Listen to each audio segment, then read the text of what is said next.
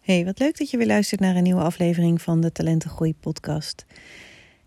Voordat je verder luistert naar het gesprek wat ik had met Maritza Vaarnald, wil ik je even uh, zeggen dat de audio-kwaliteit van het gesprek wat minder is. Uh, ik heb zitten twijfelen of ik het uh, moest plaatsen, maar ik heb toch besloten om dat wel te doen, omdat ik het een heel mooi gesprek vond en nou, de inhoud denk ik heel erg waardevol is.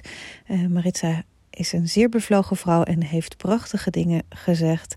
Dus ik hoop dat je een beetje door de uh, fluctuaties en de oneffenheden heen kunt luisteren. Dus dat wilde ik van tevoren even zeggen en voor nu heel veel luisterplezier. Welkom bij de Talentengroei podcast. We praten hier over leren, ontwikkeling, onderwijs en opvoeding. Mijn naam is Karen Dijkstra en in deze podcast ga ik in gesprek met auteurs, coaches en andere experts die anders denken en doen als kinderen leerproblemen hebben op school. En hierbij kijken naar kwaliteiten en talenten in plaats van tekorten. Positief en praktisch. Met deze podcast krijg je inspiratie, nieuwe inzichten en tips zodat jij een kind vanuit talent kan helpen groeien. Welkom bij weer een nieuwe aflevering van de Talentengroei podcast. En vandaag spreek ik met Maritza Vaarnold. En um, wij kennen elkaar niet, maar uh, door een bericht van Maritza op LinkedIn heeft iemand mij op haar geattendeerd. En toen dacht ik, nou, dit vind ik superleuk, want um, ik kom vaak kinderen tegen die dus vastlopen in het schoolsysteem. Die komt Maritza ook tegen.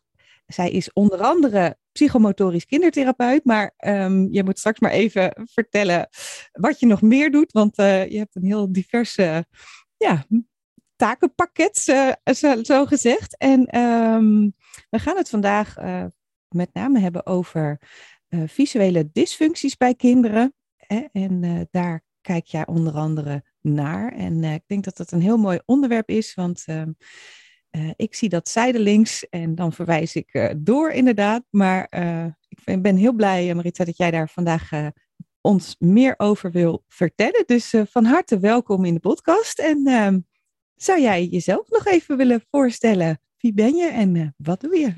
nou ja, ontzettend bedankt Karin. Te beginnen met goedemorgen en goedemiddag en goedenavond aan alle, alle mensen die dus luisteren naar deze podcast.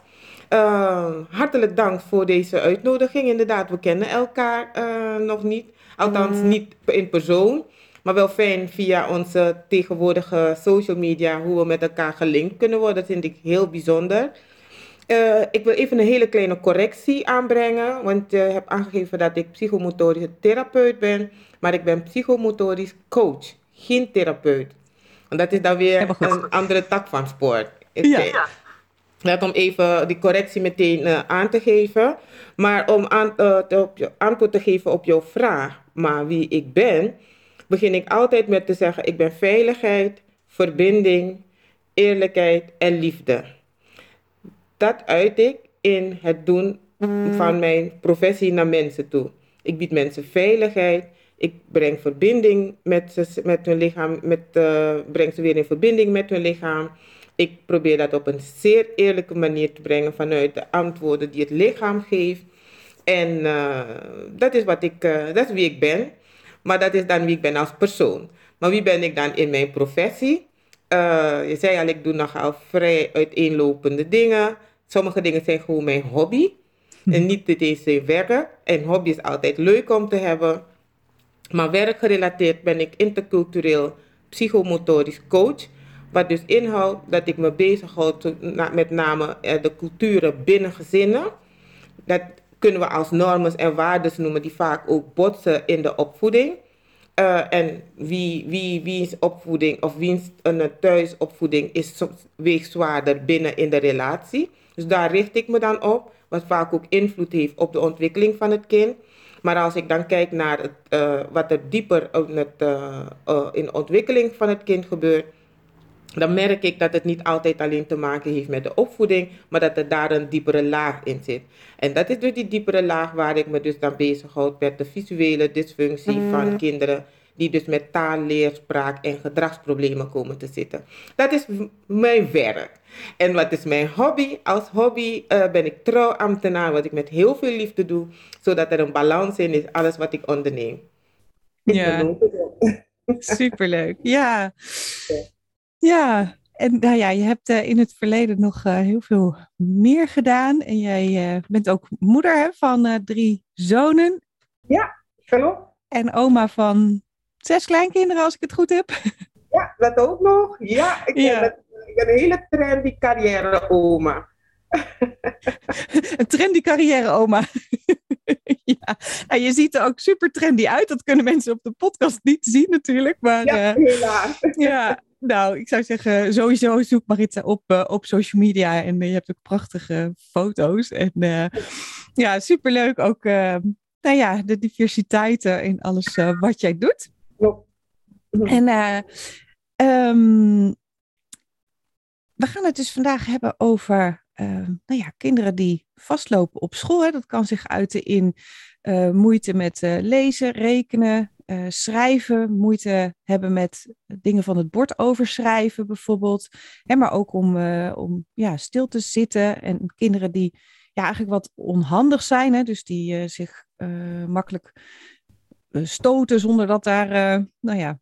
Enige reden voor is. Ja, ja en um, ik vind het wel leuk, want ik heb onlangs dus een podcast opgenomen met Annemieke over reflexen. Of reflexintegratie, dus daar houd jij je ook mee bezig. Ehm, maar toen hebben we het niet zo heel erg gehad over de, uh, wel een beetje, maar over die samenwerking van de ogen. Dus, uh, en um, als ik uh, de term noem fixatie, disparatie, dan denk ik dat heel veel mensen niet, niet weten wat dat, wat dat is.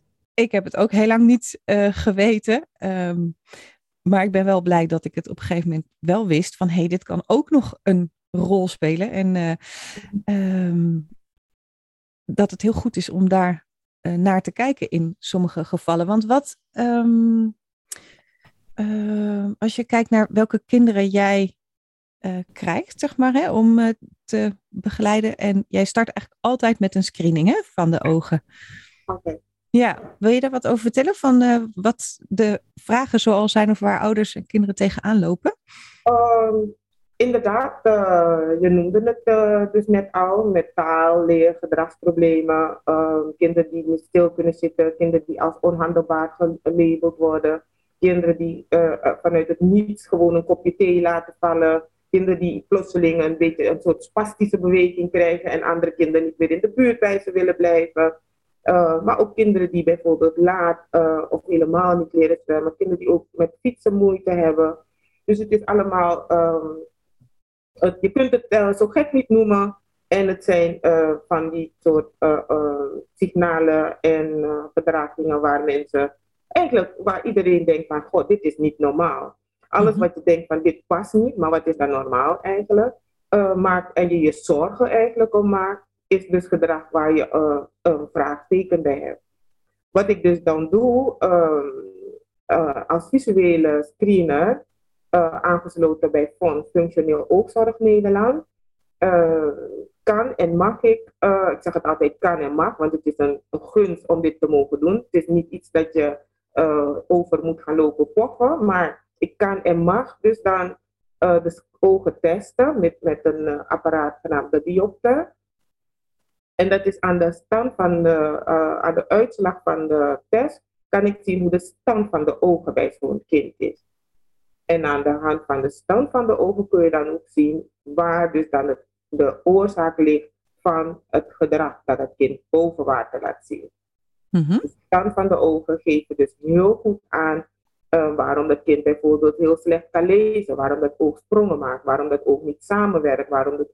En dan kun je dan van daaruit samen met ouders en kind of met de leerkracht en het kind een, een zo'n traject uh, gaan opzetten, beweegpatronen traject noem ik dat, mm -hmm. heet het ook, om dus vanuit de, uh, de motoriek samen weer oefeningetjes te gaan doen, gericht op de oogspieren, die dus dan uh, de ogen gaan helpen weer om te gaan samenwerken. Want wat gebeurt er? Dan komen wij tot fixatiedisparatie, wat je dus net noemde. Mhm.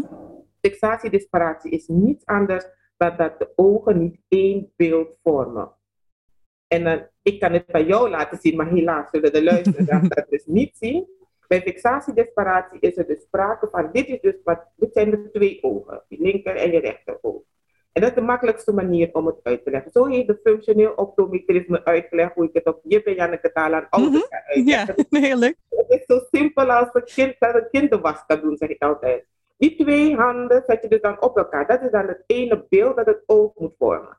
Bij Mhm. fixatiedisparatie, bij kinderen waarvan de ogen dus niet goed genoeg samenwerken, of oogsprongen maken of niet goed kunnen richten, staan die twee ogen dus zo uit elkaar. Ja, dus dat beeld valt niet recht op elkaar, zeg maar. Het beeld het wordt niet één beeld. Maar dat houdt dus in, bij een kind dat, waarvan dus de, de, de, eh, er sprake is van fixatiedisparatie en het maar zo, deze een eh, afstand is, dan is het met een oefeningen, oogspieroefeningen, is het makkelijk weer terug te brengen tot één beeld. Hmm. En dat zie je dus dan ook heel goed gebeuren bij het kind. Maar Mhm. bij een kind waarvan het dus veel verder uit elkaar is, Mhm. dan wordt het kind dus dan wel meteen doorverwezen worden naar de eh, functioneel optometrist, die dus dan een dieper onderzoek daarin doet en dan de stand beter kan bepalen. Mhm. En eh 9 van de 10 keer ook een, eh een pixelbrilletje kan voorschrijven. Maar zo'n kind heeft vaak ook heel veel last van hoofdpijn, misselijkheid, wagenziek, um, buikpijnen. En iedereen ziet dus andere pijnen, terwijl het allemaal vanuit het oog komt. Hmm. Jongen, ja.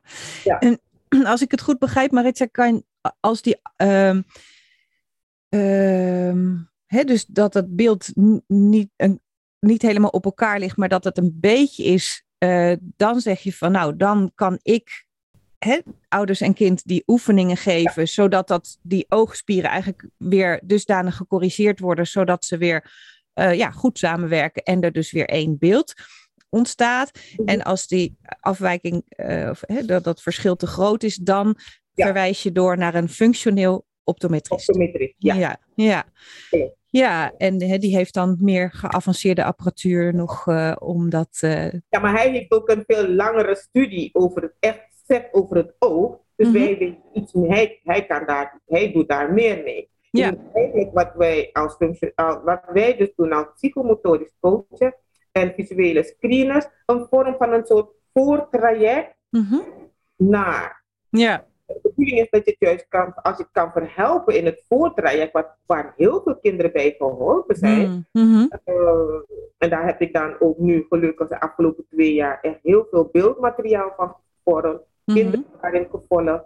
Dus ik kan het dus nu ook bewijzen eh, dat het ook kan en dat het ook mogelijk is. Maar Ja. wel even wat tijd. Ja, Ja, mooi. Dus je hebt eh, een aantal kinderen gecoacht en dus een voormeting en nameting Ja. gedaan. En daarmee dus eh, ook letterlijk in resultaten, zeg maar, op Ja. papier kan laten zien ja. dat dat verbeterd is. Ja, mooi.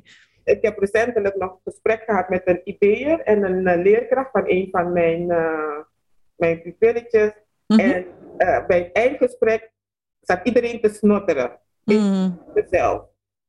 Hij, was, hij zei, het is zo verbazend wat er, hoe de veranderingen en de sprongen Mm. die, het meisje dus, die dat meisje gemaakt heeft in haar ontwikkeling.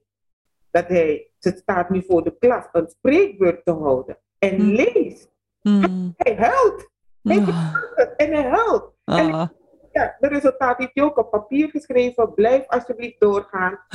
aan ook coördinatieoefeningen, want er zit veel meer in jou dan wat je nu hebt bereikt. Ja. Ja, dus Ah. fantastisch. Ja. Ja. Want het was een meisje dat.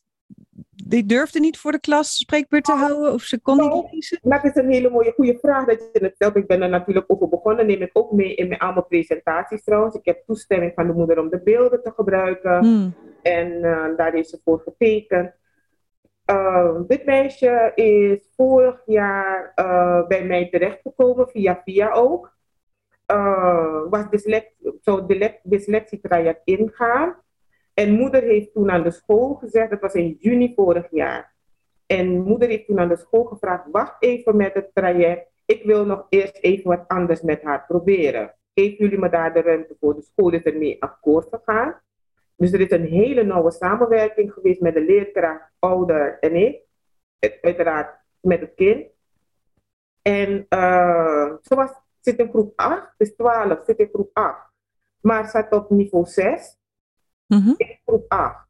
Ja. Moeder heeft zoiets van, ik wil bewijzen, ik wil laten zien dat het anders kan. Maar dan moest ik me gaan inzetten. En dat hebben we dus gedaan. Beweegpatronenwerk. In het begin werd dat kind heel erg misselijk. Uh, heel veel braken. Uh, omdat het brein dus eigenlijk Mm. veranderen om het nieuwe patroon aan te leren. Uh, en ja, afgelopen in februari ja, zijn we geweest bij het eindgesprek. En uh, we hebben de, de, de, de, de uitslagen gezien van haar sprongen. En Mhm. ze zit nu op groep 8 niveau. Mm. Wauw, het is echt in een paar maanden tijd eh, enorm. Ja, en hadden we natuurlijk de zomervakantie ertussen. Ja. En ze, waren op, ze was op vakantie met haar vader. Dus dan voelde ze zich nog schuldig dat ze de oefeningen niet Oh, had. niet kon. Ja, kom op joh, je hebt vakantie. Laat los.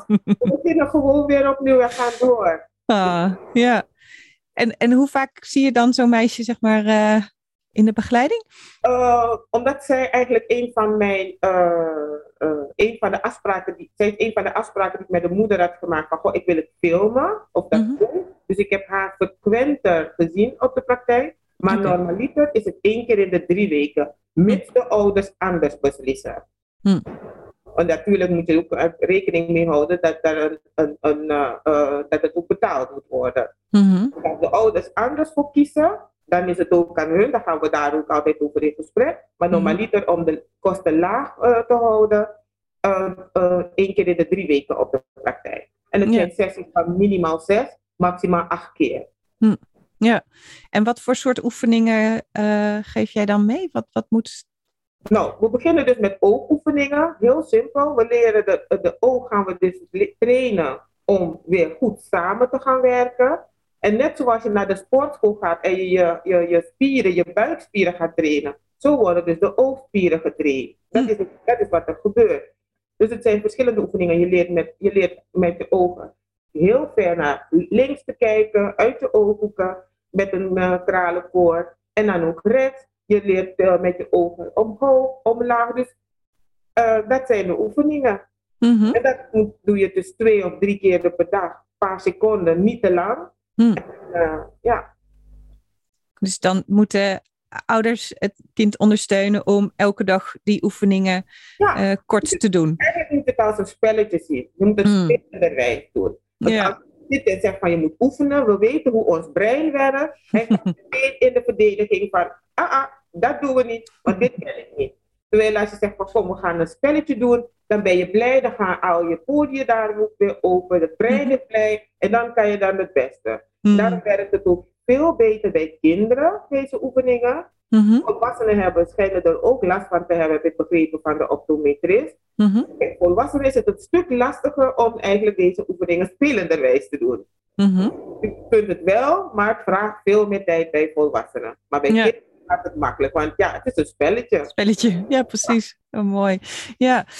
En eh, Maritza, ik kom natuurlijk ook vaak kinderen tegen eh, waarvan dan wel op school gezegd wordt, of, of ouders denken eraan van nou, hè, misschien is er iets met de ogen, hè, dat moeten we eens laten eh, onderzoeken. Dus dan hè, gaan ze, ehm, nou ja, inderdaad naar een, eh, een opticien of Ja, misschien wel naar het ziekenhuis hè, en naar de, naar de oogarts. Ja. En dan wordt er gezegd, nee, de ogen dat, die zijn prima, er is niks mee aan de hand. Ehm, kun jij daar wat over zeggen? Want eh, dit is natuurlijk een ander stukje waarschijnlijk. Uh, Jazeker. Kijk, kijk, aan de medici zal ik niet komen. Maar dat is, uh, de medici heeft daar dan weer uh, een, een, een, uh, een kijk op. Mhm. En dat durf ik ook, ga ik ook geen uitspraak over doen. Ik weet alleen dat iemand op een post, diezelfde post waar ik toen bij jou gelinkt ben, heeft Mhm. de moeder gereageerd door te zeggen: Ik heb drie jaar lang met mijn dochter bij de oogarts gelopen. En er gebeurde niets, de ogen bleven hetzelfde, totdat we bij een functioneel optometrist terecht zijn gekomen, en die fixatiedesperatie heeft geconstateerd. Mijn dochter heeft de oefeningetjes gedaan en weg hoofdpijn, weg alle problematiek. Dus ik zeg niet, ik kan niet zeggen van dat het niet, dat het niet goed is. Ik kan ook niet zeggen dat het fout is. Mm-hmm. Ik vraag me alleen, ik weet alleen in hoeverre fixatiedesperatie uh, dan bij de oogarts zichtbaar komt. Dat weet ik dan niet. Dat weet ik niet verder. Nee. Daar heb ik geen kijk op. Ik weet alleen met het simpele apparaatje dat je al snel de, uh, het kind kan helpen om weer rust te krijgen door die oogspieren te helpen trainen. Hmm, ja. En als het echt moet, verwijs ik dan wel door, omdat het noodzakelijk is. Als je ziet dat de, uh, de oogstand verder is dan. Maar dat zie je ook aan de tekening die dat kind maakt. Hè? Mm Dan zie je ook dat de oogstand, dat de standen van de ogen echt niet uh, uh, met, een, met een beetje oefening alleen maar verholpen is. Dan moet je ook gewoon heel eerlijk, en dat is wat ik zeg, ik ben veiligheid, ik ben verbinding en eerlijkheid. Dan moet zo eerlijk mogelijk zijn naar de ouder toe om te zeggen van dit is waar je naartoe moet, dit is de volgende stap. En ja. Bij je houden omdat je het geld wil hebben, mm. maar ook echt oprecht doorverwijzen. Ja. Dat, ja. Is, dat, dat is heel belangrijk om, uh, ja, om een kind te, als je kind echt wil helpen. Ja. Dus antwoord te geven op jouw vraag. Ik kan niet zeggen waar de oogarts, uh, waar, de, waar de oogarts gaat, want ik ben ook wel eens naar de oogarts geweest. Um, wat ik alleen weet, is wat ik als functioneel op een, een, een uh, visuele screener kan. Mm -hmm. En ook ja. ik verwijs door, als ik zie dat het iets is waar, wat ik niet kan en mag, verwijs ik door. Dus als het bij de oogarts terecht moet komen, dan komt zo iemand ook wel bij de oogarts terecht. Ja, ja. Specialist natuurlijk. Ja. Ja, nee, maar het is meer. Hè, mijn vraag was uh, omdat ouders natuurlijk daar ja, tegenaan lopen en dan een actie ondernemen. Maar hè, als het dan dus nou ja, niet daarin zit. Daarom ben ik zo blij dat jij dit wil vertellen. Hè, dat, dat mensen weten dat er ook dus nog een, uh, nou ja, een ander zijweggetje is, zal ik maar zeggen. Hè, die je dus kan bewandelen. Dat het daar niet uh, op hoeft te houden. Want op zich is het natuurlijk alleen maar een fijn bericht. Als een, uh, als een oogarts zegt van nou, hè, de ogen zijn prima. Dat gaat over het, nou ja, het zicht en die dingen.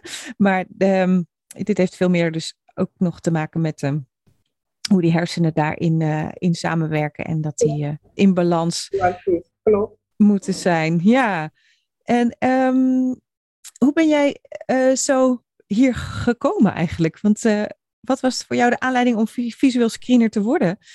De allermooiste vraag die jij nu stelt, Karen. Echt waar. het is om meerdere redenen. Eén, omdat ik met heel veel vragen steeds zat. Twee, omdat ik continu een onbehagelijk gevoel had dat ik niet voldoende uh, antwoorden gaf op vragen die cliënten aan mij stelden. Drie, uh, dat is om een zeer egoïstische redenen. Ik dacht altijd, als ik het goed doe met deze groep, doelgroep, dan heb ik over 25 jaar geen probleem als ik straks oud ben en zij voor mij moeten zorgen. dan weet ik dat ik tegenkom waar ik in geïnvesteerd heb. Dus dat was een beetje mijn eigen een, egoïstische reden. maar uh, om terug te komen bij uh, uh, jouw vraag. Het is inderdaad begonnen. Ik ben al heel lang coach. Eerst gewoon pedagogische coach in, een, in de op, kinderopvang. En ik liep tegen allerlei vragen aan. Ouders die allerlei vragen aan mij stelden waar ik geen antwoord op had. Dus ik voelde me heel erg um, tekort gedaan naar de ouders toe dat ik hm. geen vragen, antwoord kon, kon, geven. Dus ik ben toen verder gaan studeren. Maar dan heb ik me gespecialiseerd in interculturele, als interculturele coach. Want ik dacht dat het cultuurgebonden was. Hmm. Ik dacht, want die vragen die ik kreeg waren allemaal van ouders die op mij leken. Mm-hmm. Dus ik dacht, dat, daar zit het probleem. Dus ik begon me eigenlijk daar een beetje hard voor te maken en wilde graag daar die brug in zijn tussen die ouders die tegen het systeem aanliepen en hun vragen.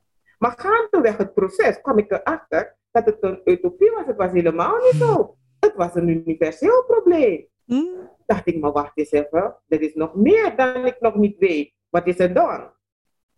En iedere ouder, bij, ik ging regelmatig ook mee met ouders naar gesprekken, bijvoorbeeld op school of naar de kinderpsycholoog. En als ik dan daar zat, had ik echt zoiets van, maar wacht eens even als deze psycholoog iedere keer zegt, ja, ja, ja, ja, je moet het wel even bij jezelf gaan zoeken. Ja, ja, ja. kan wel, ja, het kan wel bij het kind liggen. Ja, het ligt tussen de oren. Wacht ik maar, wacht eens even.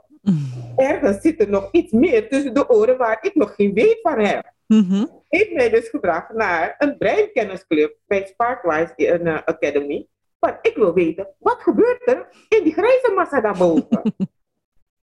en ik moet je zeggen, bij de vijfde een, uh, collegeles zat ik en ik zie die, die professor zo staan en hij stond heel fantastisch te vertellen over veranderd gedrag bij volwassenen. Want het ging over het volwassen brein. Mm. En ik denk, ja, ja, ja, maar ik werk met kinderen. Hoe dan? Komt het niet ergens vandaan dat volwassenen dan plotseling zo'n gedrag, het kan toch niet pas boem uit de blauwe hemel zijn komen vallen? Nee.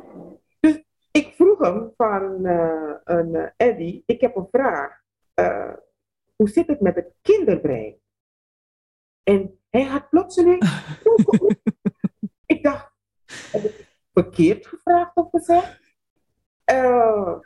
No, no, dat was dus niet aan de orde, want dat was niet het onderwerp. Uh, daar ging de college daar niet over. En ik denk, nou, dat onbehagelijke gevoel werd alleen maar erger. Dus in plaats dat het werd opgelost, werd het erger. Ik, uh, nou, dan moet ik toch nog, ik, ergens moet er toch een antwoord zijn. Dat kan toch niet zijn dat er geen antwoord is.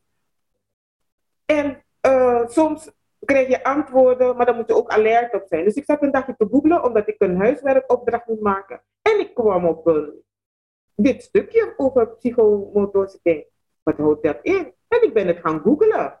Ik heb toen gelijk gebeld naar, die, naar het instituut. En uh, ik kreeg een aardige dame aan de lijn en ik zeg, dit is wie ik ben, dat is wat ik doe en dit is wat ik meer wil weten. Ze zegt, nou, uh, kom dan naar de opleiding.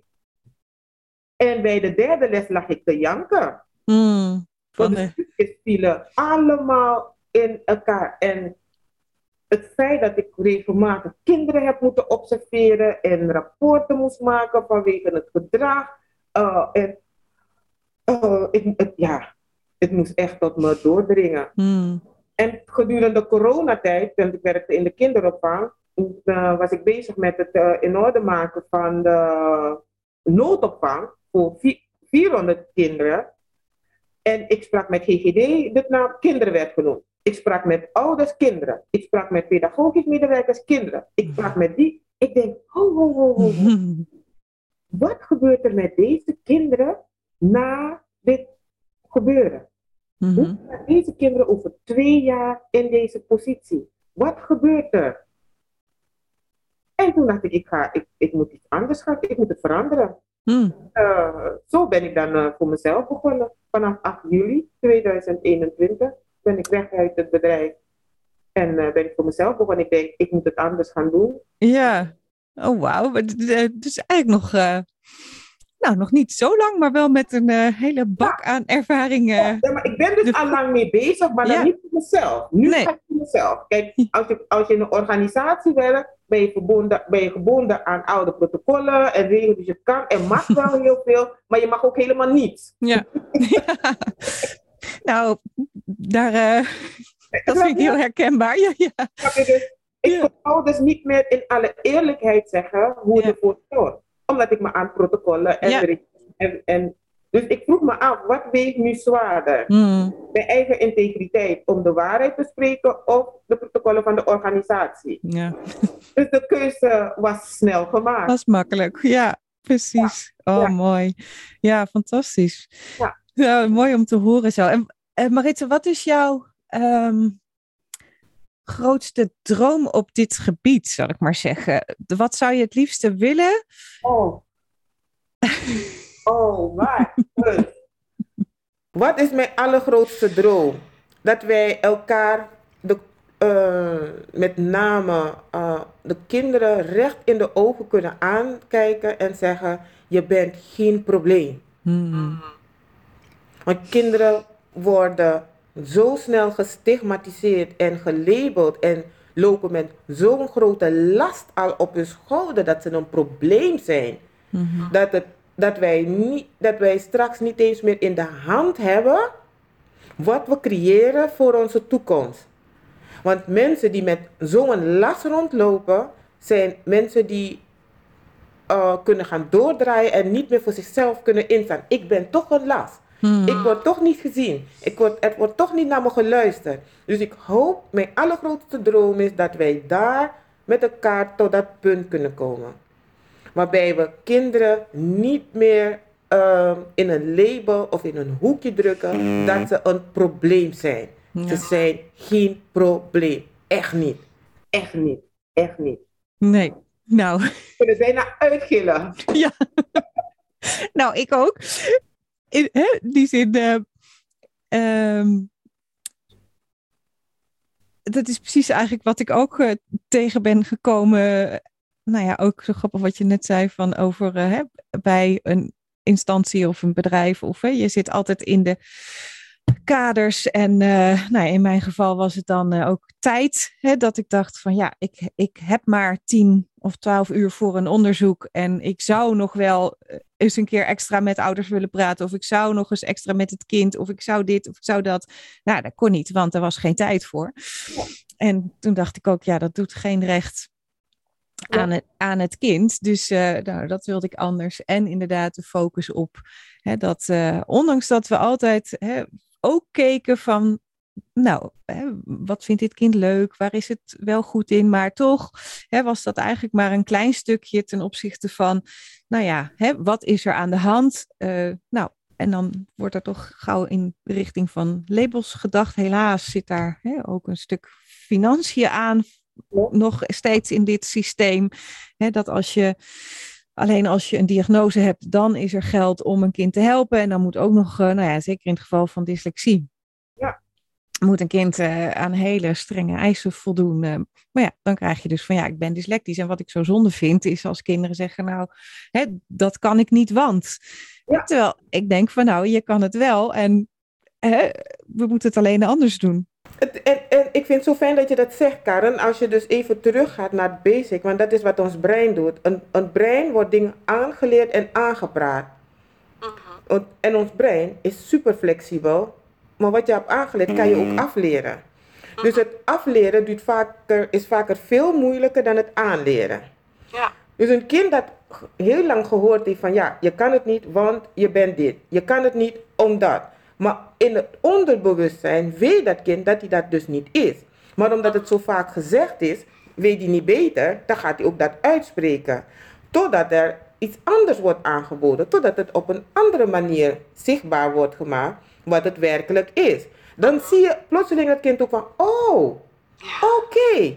Die verwondering, die verwondering is zo fantastisch. Maar je ziet ook hoe de lichaamshouding van het kind verandert. Je ziet ook de blik, hoe het verandert. Die blijdschap dat, dat hij of zij het bereikt heeft en gedaan heeft. Ja. Dan, ik bedoel, wat wil je nog meer? Ja. Dat is toch wat je wil? Dat is onze brandstof, ja. Ja, en, dan, en nu pas heb ik een voldoening in wat ik doe. Hmm. Ik voel me, ik, ik word niet moe, ik, uh, het, het, het geeft zoveel energie. Ja. Het is, ja, het is geweldig. Ah, fantastisch. Het, het kan. Ja, ja, nou, dat is wat we allebei, denk ik, de wereld willen laten zien. Van jongens, ja. kijk, het kan. En hè, er zijn manieren. En het mooie is ook bij jou, hè, ook nou ja, met hoe ik werk. Maar ik zeg, ouders zijn vaak verbaasd hoe eenvoudig uh, dingen zijn om een, toch een grote verandering teweeg te brengen. Hè? We, we zijn bang dat het, dat het heel groot en heel. An, ja, ik noem het ook. An, het is ook anders, maar ja. het zit in de hele kleine dingen. En dat hoor ik bij jou ook. En uh, ja. ja. dat is fantastisch als je dat. Uh... Klopt. Ik zeg ook tegen ouders: never underestimate the simplicity of the exercise. Onderschat niet de eenvoud van de oefening. Daar lopen mensen, uh, omdat wij natuurlijk ook zo geconditioneerd zijn om buiten onszelf naar heel veel dingen te zoeken en over de grote dingen te denken, terwijl de eenvoud in ons zit en zo simpel zit. Ik had beloofd tegen iemand in een uh, gesprek dat ik het woordje simpel niet meer zou gebruiken. Omdat hij zegt van ja, voor jou is het simpel omdat je het weet. Ik zeg nee, jij weet het ook. Het is alleen omdat je het nog niet naast kijkt. Ja. Dus als je daarna gaat kijken, ga je het ook zien. Daar gaat het alleen maar om. Hoe kijken we? Wat zien we? En wat doen we daarmee? Het gaat Ja. om het kijken. Ja. Ja. Prachtig. Ja, ik, ik vergelijk het wel eens met uh, oefeningen bij de sportschool. Hè? Ja. dat geldt hetzelfde voor. Ik zeg altijd, als jij een uh, sixpack uh, wil of een spierbal, ik zeg dan, um, hè, dan is het vaak niet dat dat hele ingewikkelde dingen vraagt, maar het vraagt wel hè, dat je. Consistentie. Precies. En hè, van inderdaad eenvoudige oefeningen, maar ja, de truc is, je moet ze wel doen, want anders gaat het niet dat veranderen. Gaat het niet worden. En daar zijn we eigenlijk van afgedwaald. Mhm. Door, uh, ik noem het soms ook wel de cool blue mentaliteit. Vandaag besteld, eergisteren in huis. ja. niet, niet, hoor. Nee, nee, nee, maar ik snap hem. Ik alleen maar aan, uh, ja. ik kan ook bol.com noemen, ik kan ook uh, Albert Heijn noemen. Vandaag besteld voor 12 uur, eergisteren geleverd. Ja. Dan denk ik, uh, hallo mensen, ons, je lichaam is geen druk op de knop. Hmm, nee. Nee. En, maar goed. Dat, nee, nou, uh, over dat... Zo meenemen, dan zie je mensen dan ook lachen en denken van, oh ja, je hebt gelijk, we moeten ja. Nee, maar dat is een hele mooie, want je maakt het heel duidelijk. Ik, ik zeg ook wel eens tegen mijn kinderen van, hè, die, die uh, willen, hebben dan niet in gedachten. En dan denken ze, oh nou, maar als ik dat nu bestel, dan heb ik het morgen. en als het dan niet zo is, dan zijn ze helemaal verbaasd. Ik zeg, ja, uh, jongens, het is eigenlijk, ik, ik verbaas me nog steeds over dat het kan. Als ik om, uh, hè, om bij wijze van spreken net om vijf voor elf iets bestel, dat, dat ik het dan de volgende dag om tien uur bij wijze van spreken in mijn brievenbus heb. dus, dat is eh, waar we, dat is waar we mee uh, nu geconfronteerd worden, waardoor mensen steeds verder wegraken van uh, het, het simpele. Ja. ja. Ja, mijn, oog, mijn, ogen, mijn ogen doen pijn. Nou, dan moet het nu, nu moet het herstellen. Waar is die knop? Ja, dat, dat werkt dus dat zo niet. Nee. Nee. nee. Nou, heel fijn dat jij dit um, doet en uh, daarover deelt. Want je hebt binnenkort ook, ja, dat, nou ja, kijk, de podcast blijft langer staan natuurlijk. Dus uh, op een gegeven moment is die, uh, de datum voorbij. Maar je bent iets aan het. Nee, je gaat een event doen ja. met iemand van Pearl. Wil je daar nog wat over vertellen? Oh ja, zeker.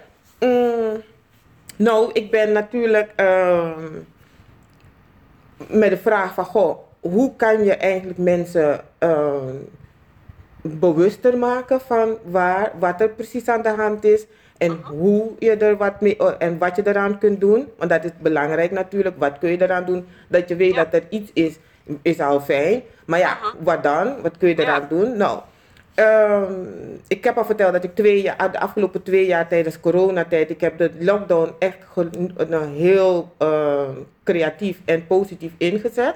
En dat, ik ben niet blij met de lockdown, maar het heeft voor mij wel wat voordelen opgeleverd. Ik ben dus echt content gaan verzamelen.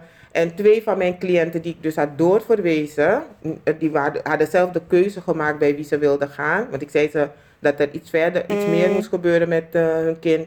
En ze hebben toen een keuze gemaakt bij wie ze wilden gaan.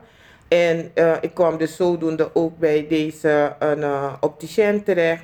En hij neemt ook zijn tijd om het stap, stap, stapsgewijs uit te leggen. Dus van hem heb ik ook eigenlijk gehoord hoe de fixatie-disparatie uh, uh, uitgelegd kan worden op, in een Jip en Janneke taal aan ouders. Dus winst daar voor mezelf.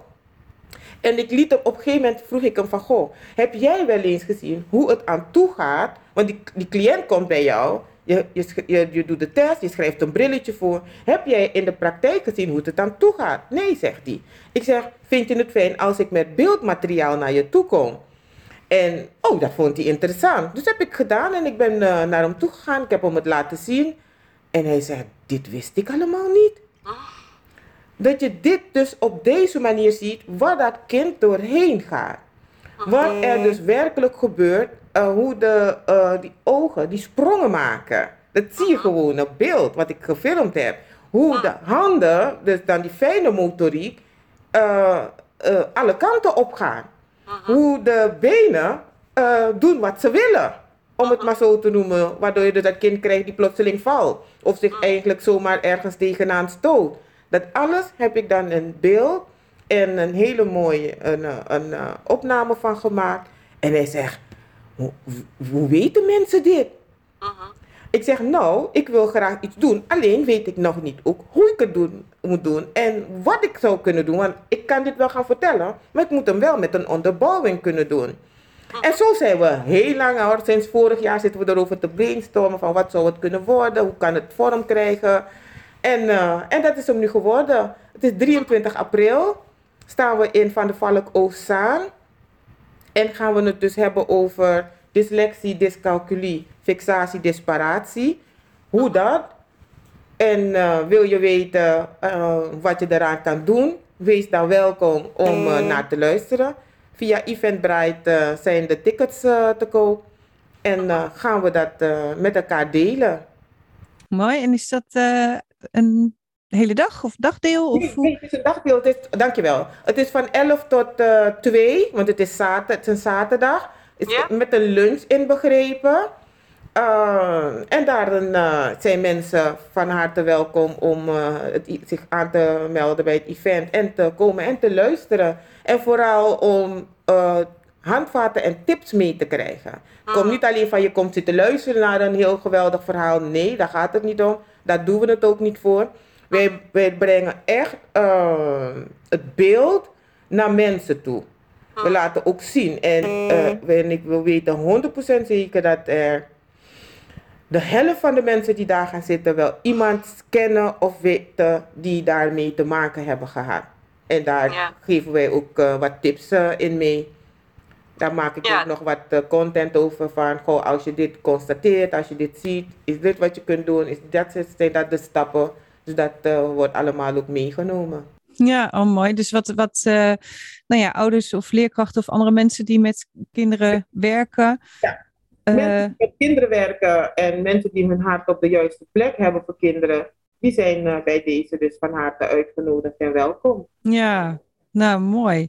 Mooi ja. dat jullie dat ook samen zo uh, hebben ja. opgepakt. En uh, ja, wat dan wel weer leuk is, is hè, dat, nou ja, jij verwijst dus door naar iemand en hè, dat die ook weer heel veel dingen van jou dus leert ja, over ja, wat het ja, voor een kind betekent. Dus, uh, ja, dat was precies wat hij dus ook zei. Wat een aanwinst is dit voor mij. Ah, hij zegt, ik, ik, ik ga er niks mee doen, want ik bedoel, ik, ik ben natuurlijk in een hele andere functie. Hij zegt, maar het is zo fijn om te zien wat er dus echt gebeurt. Ik denk dat die, het samenvoegen van uh, kennis uh, met elkaar in al ons, als we dat kijken in de professie, alle mensen die in de professie werken met kinderen, als we die kennis die we dus hebben, maar met name de ervaringen, dat we die kunnen gaan delen, dat we veel meer um, tot een, hoe zeg ik, een eenduidig beeld kunnen gaan komen hoe wij kinderen het juiste kunnen bieden. Uh -huh. Zonder dus op voorhand al te denken, oh, dat is een probleem. Nee, uh -huh. ik noem het geen probleem, er is een situatie. Ja. Een, een, probleem vraagt om alle, alles uit de kast te trekken, want je moet een probleem gaan oplossen. Een situatie zegt: Oké, okay, hier staan we. En vanuit waar we staan, kijken. Ja. En als we dat kunnen, dan denk ik dat we die oorlog heel snel gaan winnen. Sorry, niet het woord oorlog. Dat we, dus, dat we, dat we dan eigenlijk de problematiek die wij, waar wij tegenaan lopen, heel snel kunnen overbruggen. Ja, ja. ja. Mooi, ja. Nee, dat en uh, nogmaals, met eenvoudige middelen. En uh, nu je net, net zei, dacht ik, oh, nou, eigenlijk moeten ook alle opticiens, maar ik hoop dat, uh, dat hij zijn collega ja, opticiens ook uitnodigt. ja, ja, ja. Ik, ik denk dat de meeste, ik, er zijn, voor ik begrepen heb, tenminste ik heb het ook gegoogeld, heel weinig functioneel optometristen. Hmm. Maar de functioneel optometrisme, dat is de naam, die gaat dus echt heel, uh, heel, op een hele andere manier, doet hij dus dan de oogmetingen. Ja. Dan gewoon een oogmeting en een brilletje voorschrijven. Die, die, gaat dus, die heeft een heel andere manier van aanpak. Dus dat is zo fijn. Ja. Dat is echt zo fijn. Ja, ja precies. Nou, super Maritza. Ik, uh, we zijn heel wat meer te weten gekomen over, uh, nou ja, wat er kan zijn, dus met de ogen in relatie tot hoe de hersenen werken. En dat natuurlijk weer invloed heeft op uh, ja, de ontwikkeling van, uh, van kinderen in de brede zin. Hè, met leren, maar ook uh, ja, hoe ze zich letterlijk en figuurlijk door het leven bewegen. Klopt, klopt. Ja. Um, Is er nog iets wat jij wil toevoegen? Um, en sowieso wil ik je vragen om te benoemen waar mensen, als ze interesse hebben in wat jij doet, um, waar ze dat kunnen vinden. Dus of jij uh, dat wil benoemen. En uh, misschien heb je nog iets uh, wat ik niet heb gevraagd of wat je graag nog wil meegeven. Nou, dank je wel weer voor deze mooie vraag en opening. Ik op zich, ja, je had aangegeven dat je al een voorgesprek had gehad met, uh, even de naam was, uh, nee jij bent Karen, uh, je had al een voorgesprek, een vorige podcast opgenomen en dat ging dus over de reflexen. Mm -hmm. En als toevoeging wil ik daarop aangeven dat de reflexen inderdaad nog van heel veel invloed kunnen zijn op, het, op de ontwikkeling van het kind kan tot zelfs latere leeftijd nog uh, invloed hebben in de ontwikkeling, zowel van jo uh, kinderen, jongvolwassenen en soms ook nog wel bij volwassenen. Maar dat is een heel andere tak van sport. Ja. Uh, maar ik denk, ik geef dat als toevoeging dat je dat benoemt, dat dat inderdaad van grote invloed kan zijn. Mm -hmm. wat ik dan nog, mezelf, waar ben ik zelf te bereiken? Mijn bedrijfsnaam is Vanodu coaching en counseling en ben te bereiken op www.vanodu.nl. Mm En e-mail is info.vanodu.nl. Op telefoonnummer 06 uh, 370 26413. En uh, ja, en als je belt, dan gaan we gelijk uh, kijken we een intakegesprek. En dan hoor ik waar de eventuele zorgvraag is. Ik noem het geen hulpvraag, want mensen zijn niet hulpbehoevend. Mensen mm. hebben gewoon een zorg waar ze mee lopen. Dus kijken waar je zorgvraag ligt. En halen we dan uh, samen, uh, eventueel als het nodig is, een visuele screening en een lichamelijke screening af. En dan uh, bespreken we dat. Ja, mooi. En volgens mij de naam van jouw bedrijf gaat daar ook helemaal op in. Hè? Vanodu? Ja, dat is waar. Ja, van nodig is het Surinaams woord voor nodig. Ja. En omdat nodig natuurlijk niet een uh, op zichzelf staand naamwoord is, dan is het altijd ik heb nodig, ik ben nodig. Wij mm -hmm. hebben allemaal van alles nodig. We zijn ook nodig voor elkaar. Mm, ja. En als we kijken, ik benoem het ook regelmatig, als we kijken naar de uh, piramide van Maslow, de eerste uh, trede, als we we hebben allemaal een huis nodig, een luisterend oor of iemand die er gewoon voor ons is. Mm -hmm. Ook wederzijds, ook wij die bieden, hebben ook wat nodig. Dus we zijn gewoon, gewoon nodig. Ja. En dat is waar Vanodu, Vanodu staat voor nodig. Is ja, niet, niet meer en niet anders. Ja, dus deze coach-counselor is nodig. Ja, zeker.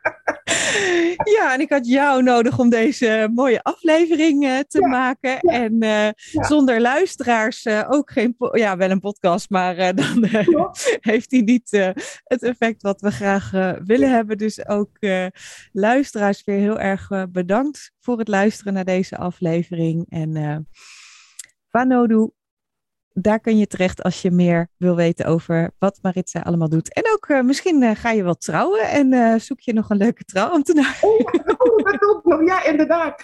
Dat staat ook op dezelfde site, toch? Ja, dat klopt. Ja. Ja. ja, mijn hobby, dat vind ik ook geweldig om te doen. Je snapt het waarom ik het doe, hè? Zo krijg ja. ik de balans in alles in mijn leven. Ja, ja prachtig. Prachtig, dank je.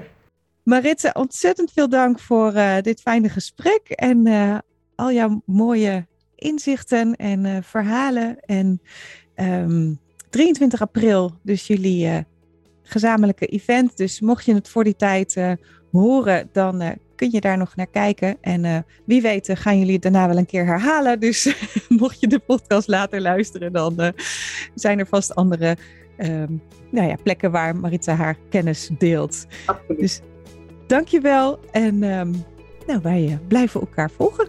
Dankjewel Karen. Ook jij ontzettend bedankt voor deze mooie uitzending en je prachtige vragen.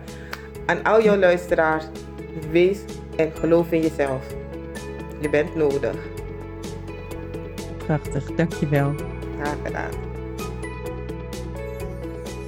Dankjewel voor het luisteren naar deze aflevering. Wil je op de hoogte blijven van nieuwe afleveringen? Abonneer je dan door in je podcast-app te klikken op de button abonneer of subscribe. Vind je deze aflevering interessant en ken je iemand die baat zou hebben bij deze podcast? Dan zou ik het super vinden als je de podcastaflevering deelt of doorstuurt. Bijvoorbeeld door een screenshot te maken of de link te delen vanuit iTunes of Spotify. Klik op de drie puntjes en vervolgens op delen. Zo help jij andere ouders of collega's in het onderwijs en daarmee nog meer kinderen bij wie leren niet vanzelf gaat. Dankjewel als je dat wil doen. Het is mijn intentie om waardevolle inzichten te delen en hiermee zoveel mogelijk ouders en leerkrachten te bereiken. En een handvatten te geven zodat zij kinderen kunnen helpen hun talenten te leren kennen en in te zetten. Zodat ieder kind weer met plezier en vol zelfvertrouwen naar school gaat. En zij als kind en als volwassene kunnen leren en leven vanuit talenten. Ondersteun je mijn missie? Geef mijn podcast dan bij reviews bijvoorbeeld 5 sterren en als je wil ook een geschreven review. Dit kan heel makkelijk in jouw podcast-app. Loopt jouw kind of leerling vast op school en heb je het gevoel dat het anders kan? Lees dan mijn boek In 10 stappen leren vanuit talent. Ik zou het leuk vinden als je het bestelt via mijn website, maar het is ook te koop via alle boekhandels of te leen in de bibliotheek. Ik vind het altijd leuk om berichtjes te ontvangen van jou als luisteraar om te horen wat je van een aflevering vindt of als het je een bepaald inzicht heeft gegeven. Stuur me dan even een mailtje via karen.talentengroei.com of een persoonlijk bericht via LinkedIn of Instagram. Zoek op Karen Dijkstra. Karen is met een E. En talent en groei, dan kan het niet missen. Dit kan uiteraard ook als je een vraag of suggestie hebt. Ik kijk alweer uit naar een volgende podcast. Graag tot dan.